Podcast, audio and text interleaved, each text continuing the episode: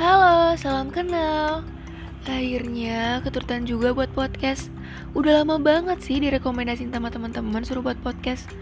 Ya, maklum banyak tugas. oh ya, kenalin, nama gue Peri Cantik. Eh, Peri Cinta maksudnya. Aduh, nggak fokus. Gara-gara puasa. Ya elah, gini aja udah loh ya. BTW semangat ya puasanya. Jangan sampai bolong.